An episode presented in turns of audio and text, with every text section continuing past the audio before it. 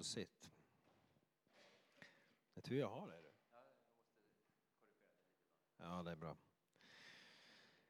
Mose sade, förlåt din tjänare Herre, men jag har inte ordet i min makt. Det har jag aldrig haft, inte heller sedan du talat till mig. Orden kommer trött och tveksamt. Herren svarade, vem har gett människan hennes mun? Vem är det som gör henne stum eller döv? Seende eller blind? Är det inte jag? Herren, gå nu, jag ska själv vara med dig när du talar och lära dig vad du ska säga. Men Mose vädjade, Herre, jag ber dig, sänd bud med någon annan, vem du vill. Då blev Herren vred på honom och sade, du har ju din, du har ju din bror Aron, leviten. Han kan tala, det vet jag. Han är redan på väg för att möta dig och han blir glad att få se dig. Tala med honom och lägg orden i hans mun. Jag ska själv vara med både dig och honom när ni talar och visa er vad ni ska göra. Han ska tala till folket för din räkning. Så blir han din mun och du blir hans Gud. Och staven ska du ha i handen. Det är med den du ska utföra tecknen. Så lyder Herrens ord. Gud, vi tackar dig. Episteltexten kommer ifrån Andra Korinthierbrevet kapitel 3, vers 4-8. En sådan tillit till Gud har jag genom Kristus. Det är inte så att jag skulle förmå tänka ut något på egen hand, något som kommer från mig. Nej, min förmåga kommer från Gud, ty han har gett mig förmågan att vara tjänare åt ett nytt förbund, som inte är bokstav utan som är ande. Ty bokstaven dödar, men anden ger liv. Redan dödens tjänst, som byggde på bokstäver inhuggna i stentavlor, tillkom under en sådan härlighet att israeliterna måste vända bort blicken från Mose ansikte. Så stark var strålglansen från hans ansikte, fast den snart försvann. Hur mycket större härlighet ska då inte omge Andens tjänst? Så lyder Herrens ord. Gud, vi tackar dig.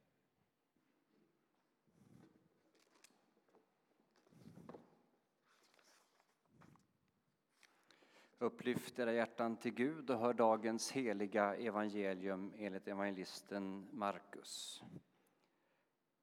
Jesus lämnade trakten kring Tyros och gick över Sidon till Galileiska sjön i Dekapolisområdet.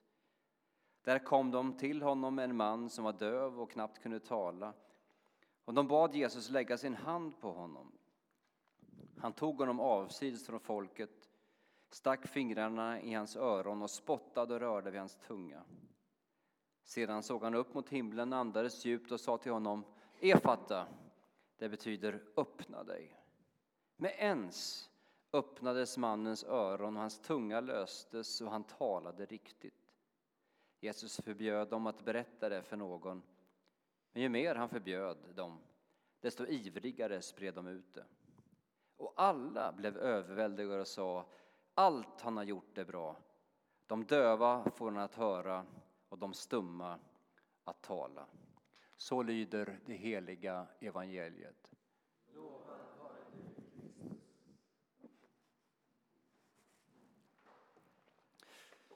Vem i hela världen kan man lita på? Visst var det bra skånska?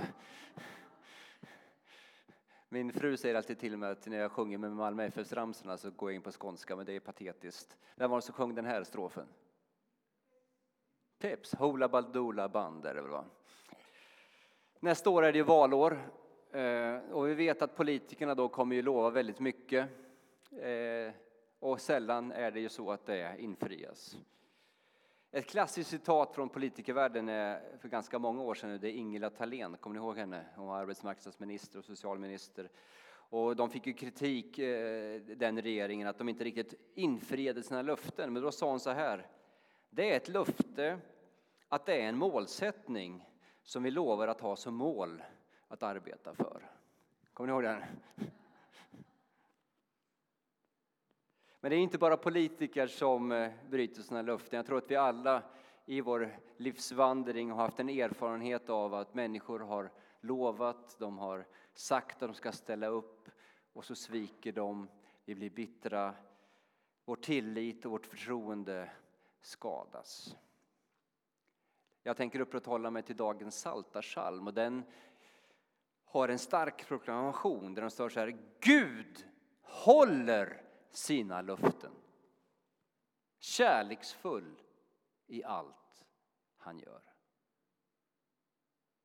Och detta är dagens evangelium. Det som vi kan vila hela vår livstyngd emot.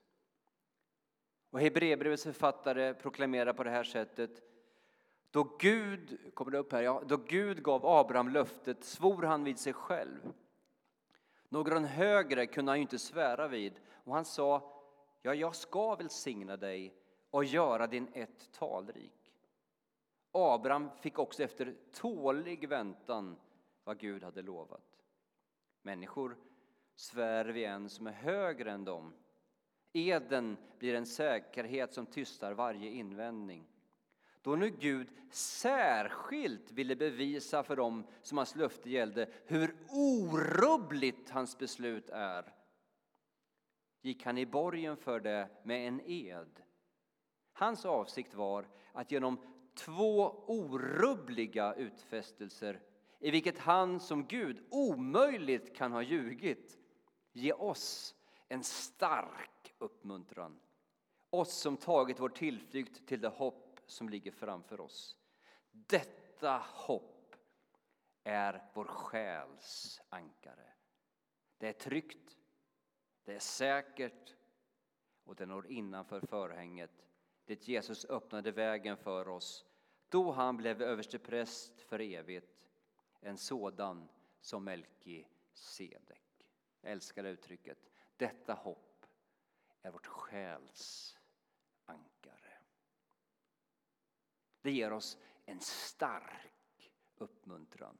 Det är säkert och tryggt. Vad är det Gud har lovat oss? Gud håller sina löften, kärleksfull i allt han gör. Vad är det Gud har lovat oss? Vad kan vi räkna med? För genom historiens gång så har vissa kristna rörelser slängt upp att Gud vill detta och Gud vill detta för ett liv. Saker som egentligen inte har förankring i vare sig kyrkans tradition eller i skriften och så blir vi besvikna. Men vad är det vi kan räkna med när vi vilar hela vår livstyngd mot detta starka löfte där Gud som omöjligen kan ljuga ger oss sina tillförlitliga ord. Vad sa Psaltarpsalmen? Kommer ni ihåg vad ni läste inledningsvis? Nej, ni, är lika, ni börjar komma i samma ålder som mig, nu är ni bara borta redan. Vad sa, vad sa Saltaren? Gud stöder dem som vacklar. Han röt, rätar krökta ryggar. Han ger föda i rätt tid och är nära dem som av hjärtat ropar till honom. Det är Guds löfte.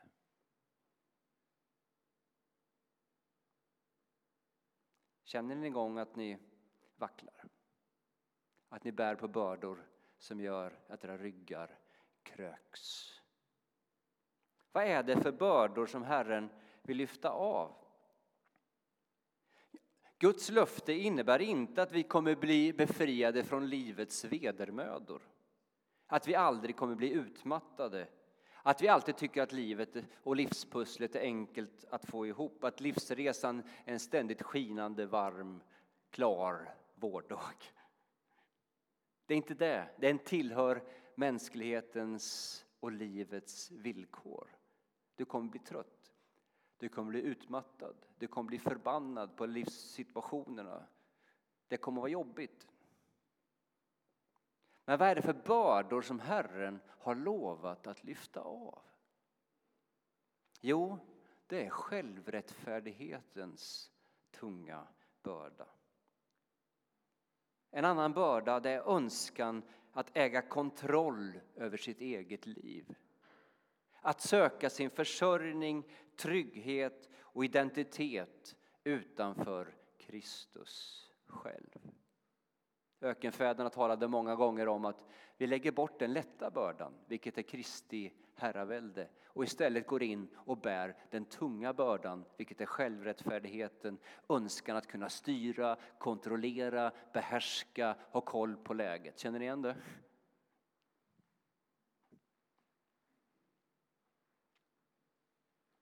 Episteltexten idag där Paulus talar så säger han att bokstaven dödar men anden ger liv. Andens liv är ett liv i frihet. Och det är det som är den övergripande rubriken i dagens kyrkoår, kyrkosöndag. Friheten i Kristus. Vad är det för frihet som Herren inbjuder oss till idag?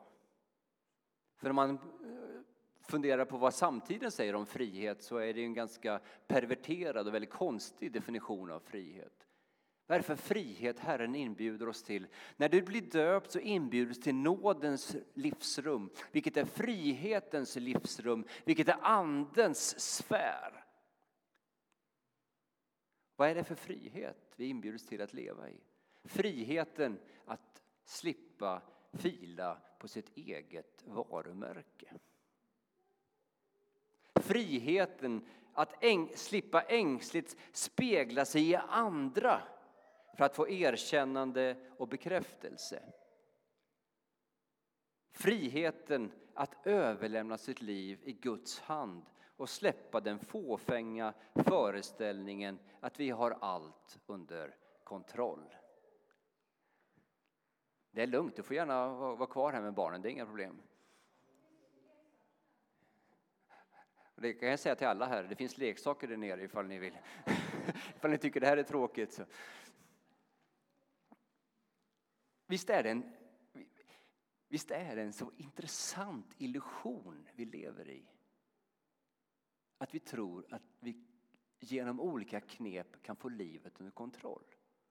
Med Excelfiler, med budget, med att göra listor, med att sätta upp plan och målsättningar. Och så kommer det en sjukdom, så kommer en arbetslöshet, så kommer det vad som helst och man märker, jag har inte läget under kontroll.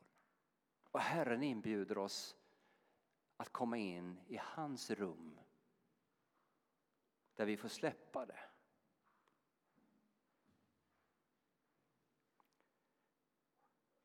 Men då måste vi lita på Guds löften. Och att lära sig att leva i tron på Guds löfte är en livslång kamp. Det går inte att gå på något konfirmationsläger, åka på en bibelskola, ha en andlig upplevelse på en karismatisk eh, konferens. Det är en livslång kamp att lära sig att lita på Guds löfte. Och det är det Paulus talar om som trons goda kamp. Att hålla före Guds verklighet framför min verklighet. Paulus skriver om Abraham i Romarbrevets fjärde kapitel på det här sättet. Där allt hopp var ute höll Abraham fast vid hoppet och trodde så att han kunde bli far till många folk enligt ordet så talrik ska din avkomma bli. Han sviktade inte i tron då han tänkte på att hans egen kropp var utan livskraft, han var omkring hundra år gammal, och att Saras modersköte var dött. Inför Guds löfte tvivlade han inte i otro utan fick kraft genom tron. Han gav Gud äran och var förvissad om att det Gud har lovat kan han också infria. Därför räknades han som rättfärdig. Vi har precis samma kamp att utkämpa som Abraham, eller hur?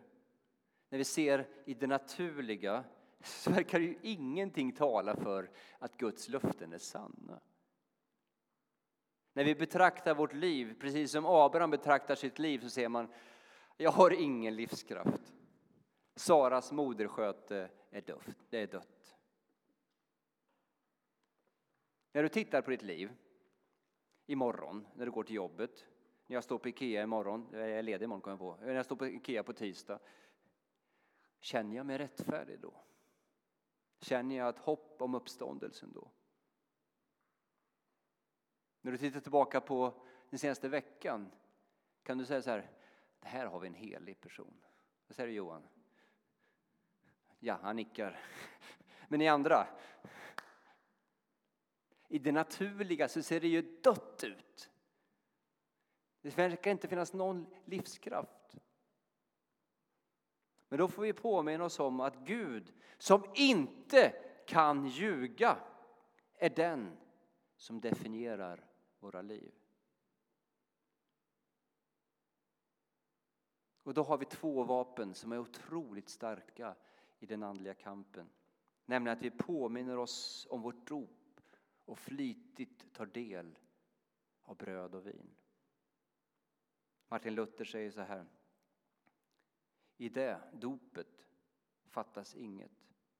I tron fattas alltid något, eller hur?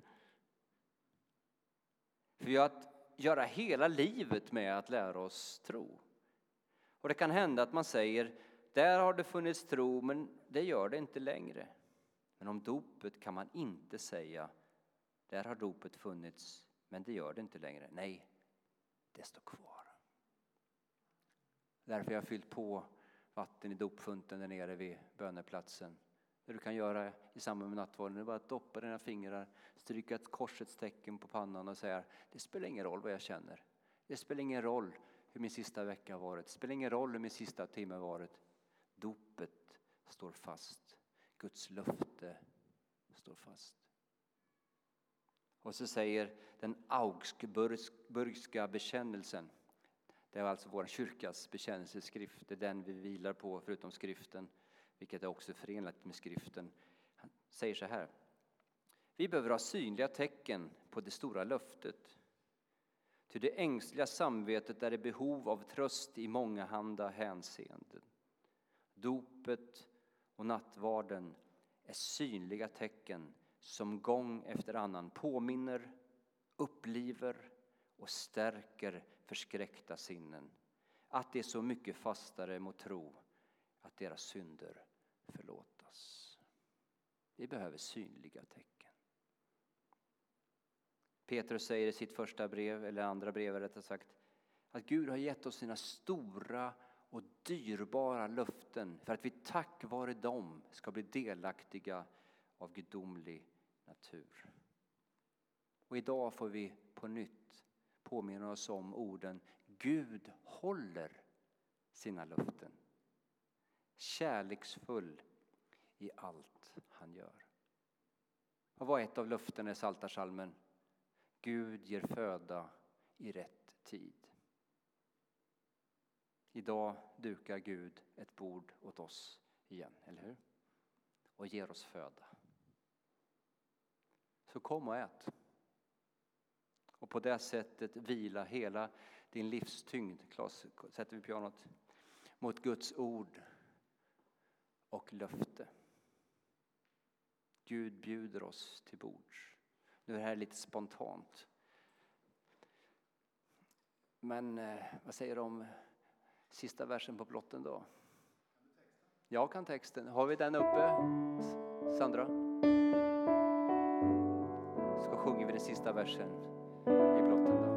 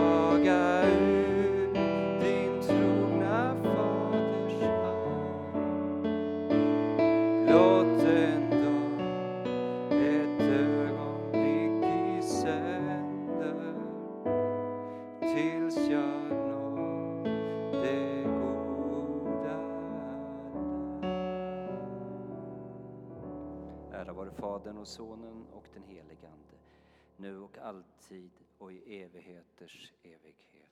Amen. Halleluja.